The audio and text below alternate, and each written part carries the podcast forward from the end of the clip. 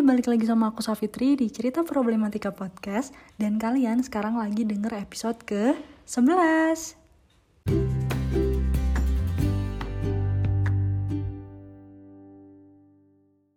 Di episode kali ini aku bakalan bahas uh, sesuatu hal yang lebih intimate Yang benar-benar aku uh, rasakan selama ini menjalani hidup setelah aku lulus kuliah. Nah, setelah lulus kuliah itu kayaknya semua orang lebih fokus untuk mencari sesuatu yang menguntungkan dan mendapatkan materi tentunya ya karena ya tidak bisa dipungkiri kalau kita hidup memang butuh mencari uang gitu dan sebenarnya sih kalau aku pribadi aku tuh udah mulai cari-cari tambahan uang jajan itu tuh dari sebelum lulus. Jadi sebelum skripsian aku tuh udah jadi marketing communication di salah satu uh, apa namanya di salah satu perusahaan lokal gitu di Jatinangor. Nah itu tuh bener-bener membuat aku mendapatkan banyak pengalaman ya dan banyak banget ketemu orang-orang di dunia kerja gitu. Walaupun uh, sebenarnya di dalam menjalani pekerjaannya itu juga aku sih lebih di lapangan gitu karena memang pekerjaan aku juga untuk mengakuisisi suatu tempat makan gitu di Jatinangor. Jadi otomatis aku juga lebih sering berinteraksi sama orang-orang yang punya perusahaan makanan gitu.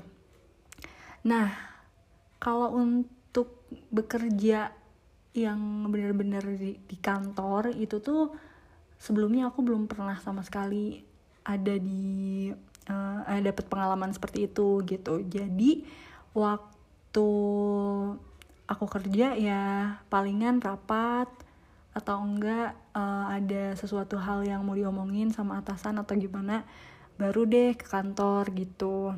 Dan ya cukup menyenangkan juga banyak banget pengalamannya dan di situ juga aku banyak belajar untuk bekerja dalam tekanan walaupun aku juga saat itu uh, akhirnya memutuskan untuk uh, keluar karena aku fokus ke skripsian aku gitu. Jadi kalau nggak salah aku kerja sekitar enam bulanan gitu ya. Nah setelah keluar itu udah fokus ngerjain skripsi terus lulus mulai deh tuh aku nyebar-nyebarin uh, eh, CV dan lamaran gitu kan.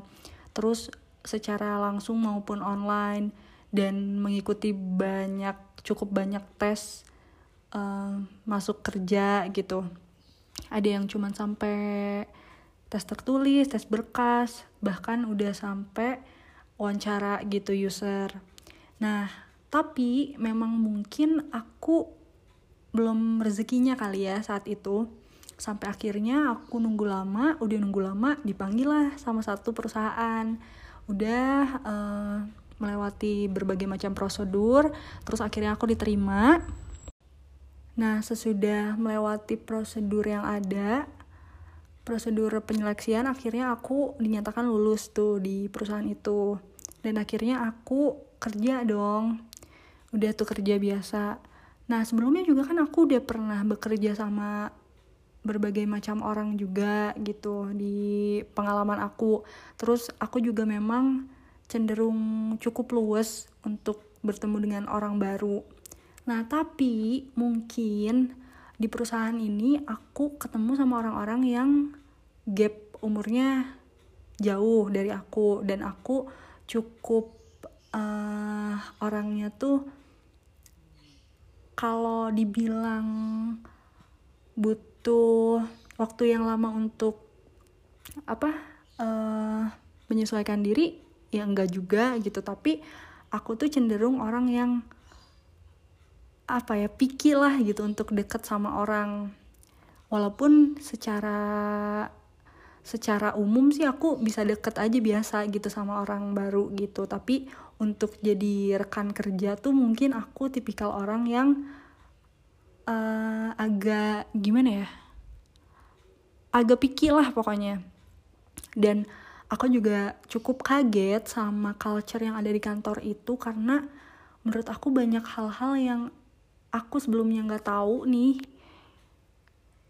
ternyata tuh terjadi di dunia perkantoran gitu. Mungkin karena pengalaman aku juga kurang ya. Karena dulu kan aku kerja juga ya semacam kayak kerja ini loh. Kalau di tempat kerja aku dulu tuh startup lokal yang emang anak-anak muda semua. Terus kayak ya nggak ada lah skandal-skandal gitu. Dan juga uh, ya nggak terlalu banyak orang-orang yang carmuk gitu loh. Ngerti gak sih? Ya dan itu tuh aku temukan di kantor tempat aku kerja saat itu. Jadi otomatis aku kayak oh gini loh kerjanya gila ya. Ya masalah kerjaan teknis segala macem aku akan sangat menerima gitu kalau misalnya memang aku harus bekerja lebih keras gitu. Tapi untuk secara sosialnya di kantor itu aku kaget jujur aja dan banyak hal-hal yang menurut aku janggal aja di kantor itu karena orang-orangnya cukup beda sama orang-orang yang aku sering temui gitu ya mungkin itu kurangnya aku gitu aku nggak terlalu uh, gak terlalu apa ya gak terlalu kaya kali pengalaman di lapangannya bersama orang-orang kerja gitu di kantor. Nah singkat cerita, selama aku bekerja di situ kurang dari satu bulan, aku memutuskan untuk keluar dari kantor itu karena aku menemukan sesuatu yang sangat sangat sangat mengganggu hidup aku dan juga perasaan aku kerja di situ gitu. Bener-bener aku tuh masuknya dibully kali ya dibully yang bener-bener aduh receh banget sih ini parah banget tapi menurut aku karena nggak berkaitan sama pekerjaan tapi karena sosialnya di situ bener-bener culture-nya itu bener-bener ah mukanya parah banget sih muka duanya parah tuh di kantor itu menurut aku. Terus ada satu momen yang pokoknya ini momen puncaknya aku dapetin uh, ketidakanenakan itu sampai akhirnya aku nangis saat itu juga dan aku minta keluar aku udah udah udah memutuskan langsung bulat tekad aku untuk keluar dari kantor itu karena hal ini nih ya. Jadi waktu ada salah satu orang yang ulang tahun di kantor itu dan kebetulan aku kan anak baru gitu kan gak enak aja gitu.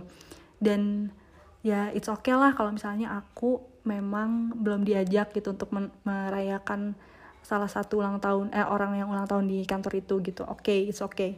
Nah setelahnya jadi kan aku kerja di bawah nih frontliner gitu. Nah orang-orang yang resenya itu tuh orang-orang atasnya gitu. Terus yang bikin aku nyeseknya tuh aku mendapatkan perlakuan yang tidak menyenangkan dari salah satu orang yang aku anggap ya dia tuh berwibawa gitu di kantor itu. Perempuan dia berwibawa dia terlihat amat solehah. Terus orang itu tuh ya aku nggak nyangka gitu kalau dia bakalan bersikap tidak mengenakan gitu ke orang lain gitu terutama ke anak baru kayak aku yang nggak tahu apa-apa.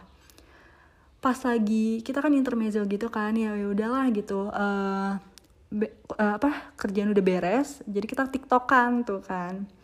Waktu TikTok kan lagi ngebenerin kamera nih salah satu orang di kantor itu aku lihat si orang itu tuh bertiga mereka tuh agak ngasih ngasih kode gitu loh ngasih kode yang ah rese banget lah pokoknya. Kayak tau gak sih senioritas yang sampah banget terus nunjukin ketidaksukaannya ke aku di belakang aku dan aku ngeliat itu dari kamera yang lagi di setting si orang yang mau bikin TikTok bareng gitu sama kita kita nah udah kayak gitu si orang yang aku anggap ya aku anggap dituakan ini yang terlihat sangat baik itu. Dia tuh mau kayak uh, nonjok-nonjokin kepala aku gitu loh kayak ya walaupun gak kena even itu gak kena pun itu menurut aku gak sopan banget loh ke kepala orang. Terus dia kayak gitu kayak ngehe gitu loh ke muka aku ke kepala aku. Terus aku ngebalik dong otomatis. Udah ngebalik kenapa? Aku bilang gitu kan aku nggak mau sebut namanya ya udah males banget kenapa? kata aku. Aku salah apa? Aku sambil nahan nangis karena emosi di situ kan. Kok nggak sopan sih? Aku bilang gitu ke kepala orang. Akhirnya dia pada diem terus kayak ketawa-ketawa gitu masih kayak aduh itu nggak banget sih bener-bener momen yang aku baru pertama kali diperlakukan tidak enak oleh orang yang menurut aku tuh gak bakalan mungkin melakukan hal sesampah itu gitu dan akhirnya aku udah dari situ kayak aku menarik diri aku aku beres-beres aku balik aku mau balik terus si orang yang di uh, apa rekan kerja aku yang bantuin aku uh, tentang teknis segala macam itu nanya Ami kenapa? Gitu kan. Terus kayak aku udah nggak bisa nahan lagi terus si orang bertiga itu naik ke atas udah kayak ya udah gitu. Terus aku nangis aku bilang aku mau keluar dari kantor ini aku bilang gitu dan saat itu juga aku bener-bener bulat tekad aku bulat banget untuk keluar dari kantor itu. Padahal aku tuh adalah tipikal tipikal orang yang apa-apa tuh dipikirin banget ini kalau misalnya aku kayak gini langkah apa yang aku ambil ini bakalan kayak gimana gimana gimana gimana gimana gimana. Dan saat itu aku nggak mikir apa pun selain karena emosi selain karena emang sakit hati juga aku emang udah bener-bener kayaknya udah mungkin dari awal alam bawah, alam bawah sadar aku tuh udah bilang kayaknya ini bukan tempat kamu deh mi gitu. Tapi kan karena butuh ya jadi aku masuk lah udah diterima juga gitu. Nah terus udah tuh emang aku nggak suka juga mungkin dari awal karena beberapa orang rese banget bapak-bapak juga ya. Ya ya aku nggak ngerti lah ya aku belum pernah bekerja di kantor sebelumnya dan aku nggak pernah aneh-aneh juga dan dan aku nggak pernah aneh-aneh juga dan yang paling aku inget adalah ada satu orang bapak-bapak komentarin uh, gelang yang aku pakai. Gelang itu tuh gelang emas. Ya walaupun aku juga nggak mamer-mamerin gelang emas itu ya ya aduh sialan banget gak sih tuh orang gitu. Ngapain gitu sampai senotis itu kayak emasnya berapa gram? Ah gila. Aku pengen ngomong kasar banget sih nih di podcast ini. Kurang ajar banget ya tuh orang aku sampai kayak apaan sih? Nah aku tuh tipikal orang yang ya elah kalau nggak penting-penting amat nggak usah ngomong gitu. Kayak ini bapak-bapak lagi kan gitu. Terus kayak gila ya. Ditambah emang ya kayaknya emang itu bukan lingkungan aku banget kali. Jadi saat aku mendapatkan hal yang tidak mengenakan lagi dan udah kayak ada di batas ketoleransian aku kayak ini udah gak bisa ditoleransi lagi akhirnya aku udah putuskan buat keluar aku nangis. Terus si orang itu tuh si orang yang ngajarin aku selama ini ngajak ngobrol terus aku bilang kan bla bla bla bla bla aku udah nggak kuat di kantor ini. Terus emang si orang yang itu orang yang ngajarin aku itu pun banyak cerita kalau di kantor itu tuh emang banyak skandal gitu. Terus banyak uh, orang yang orang yang lagi bukan yang lagi orang yang memperlakukan aku sangat tidak baik itu tuh emang udah terkenal annoying gitu di kantor itu tuh. Si orangnya itu tuh dari awal aku masuk juga ya pertengahan aku kerja di situ udah sering cerita gitu. Karena emang aku juga udah bilang kan emang kelihatan sih aku bilang gitu kan. Uh, ya udahlah intinya aku keluar aja dari dari kantor itu. Setelah melewati drama itu aku bener-bener lega banget tidak berada di lingkungan yang sangat sangat tidak aku sukai lagi. Dan aku dari situ bener-bener gak sama sekali gak ada setitik pun penyesalan diri aku karena udah keluar dari kantor itu. Literally justru aku beruntung banget. Nah dari situ aku dari kejadian aku pernah di kantor yang aneh banget menurut aku aku jadi nggak mau lagi yang namanya kerja di kantor apalagi di kantor yang isinya tuh bapak-bapak ibu-ibu semua gitu. Maksudnya enggak ya enggak diskriminasi umur juga cuman ya preference aku untuk mencari materi cari uang yang gak di tempat kayak gitu gitu nggak di nggak di kantor. Aku bener-bener concern banget sama hal yang aku akan jalani lama gitu sekarang. Bener-bener selektif banget dan bener-bener memikirkan diri aku sendiri mental aku sendiri dibandingkan duit yang ya elah gitu. Ya lu mau ngasih gue 5 juta 6 juta tapi isinya sampah semua kayak gitu juga sorry aja gitu. Aku lebih baik berusaha dengan passion yang aku punya dapetin seadanya ya kalau misalnya lebih pun ya syukur banget gitu dari hobi terus dibayar daripada harus maksain diri aku berada di circle yang sampah gitu. Ini sorry banget ya mungkin ada beberapa orang yang nanti nih podcast ini nyampe ke salah satu di antara orang-orang kantor itu ya aku juga nggak nyebutin kantornya di mana kantornya apa jenis kantornya apa. Yang penting itu sih kan nggak aku nggak menyudutkan mama kantornya. Cuman aku sharing pengalaman aku aja yang bener-bener pernah berada di posisi yang sangat direndahkan. Ya banyak sih sebenarnya nggak cuman yang tadi kepala itu doang gitu yang aku merasa direndahkan di situ tapi aku sangat-sangat beruntung bisa lepas dari lingkungan seperti itu.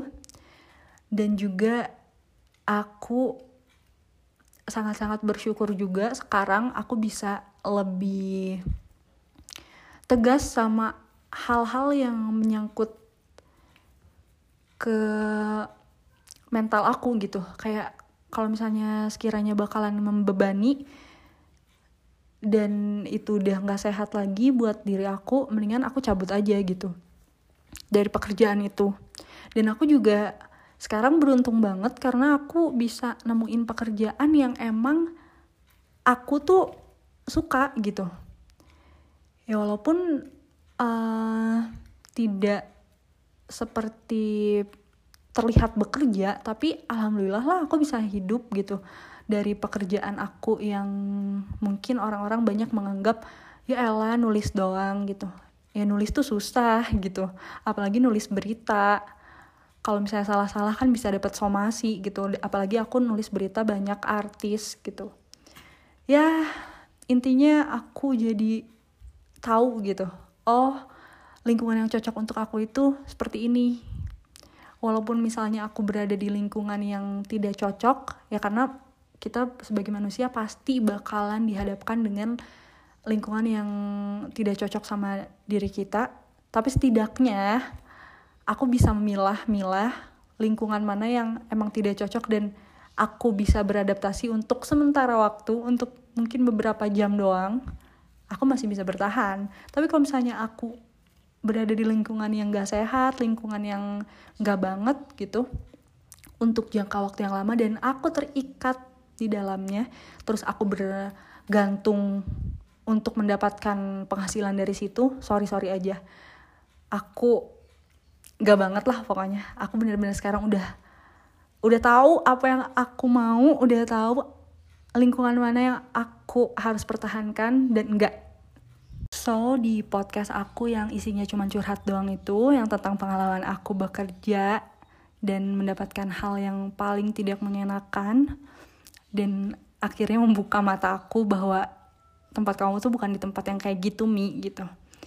Itu tuh bener-bener eh, pengalaman yang sangat berharga banget buat aku dan aku sangat ingin membagikan pengalaman aku itu. Sebenarnya udah lama tapi aku baru ada mood untuk cerita lagi mengingat masa itu lagi itu sekarang.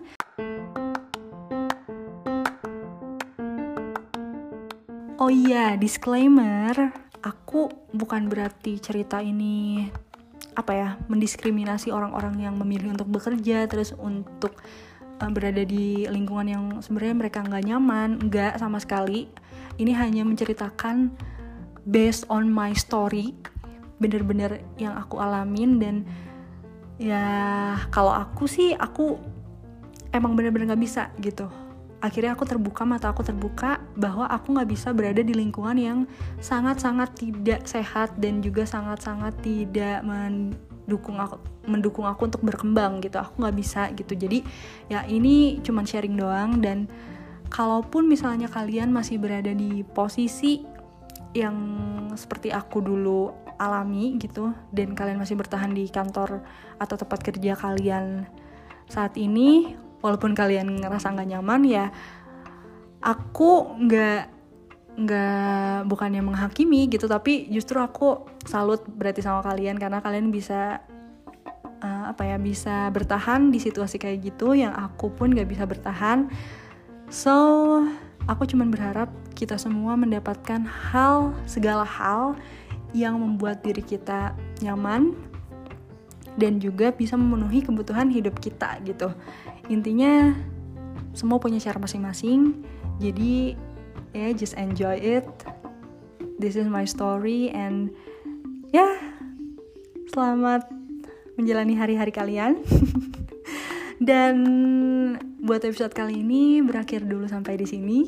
Kita ketemu di episode-episode berikutnya see you everyone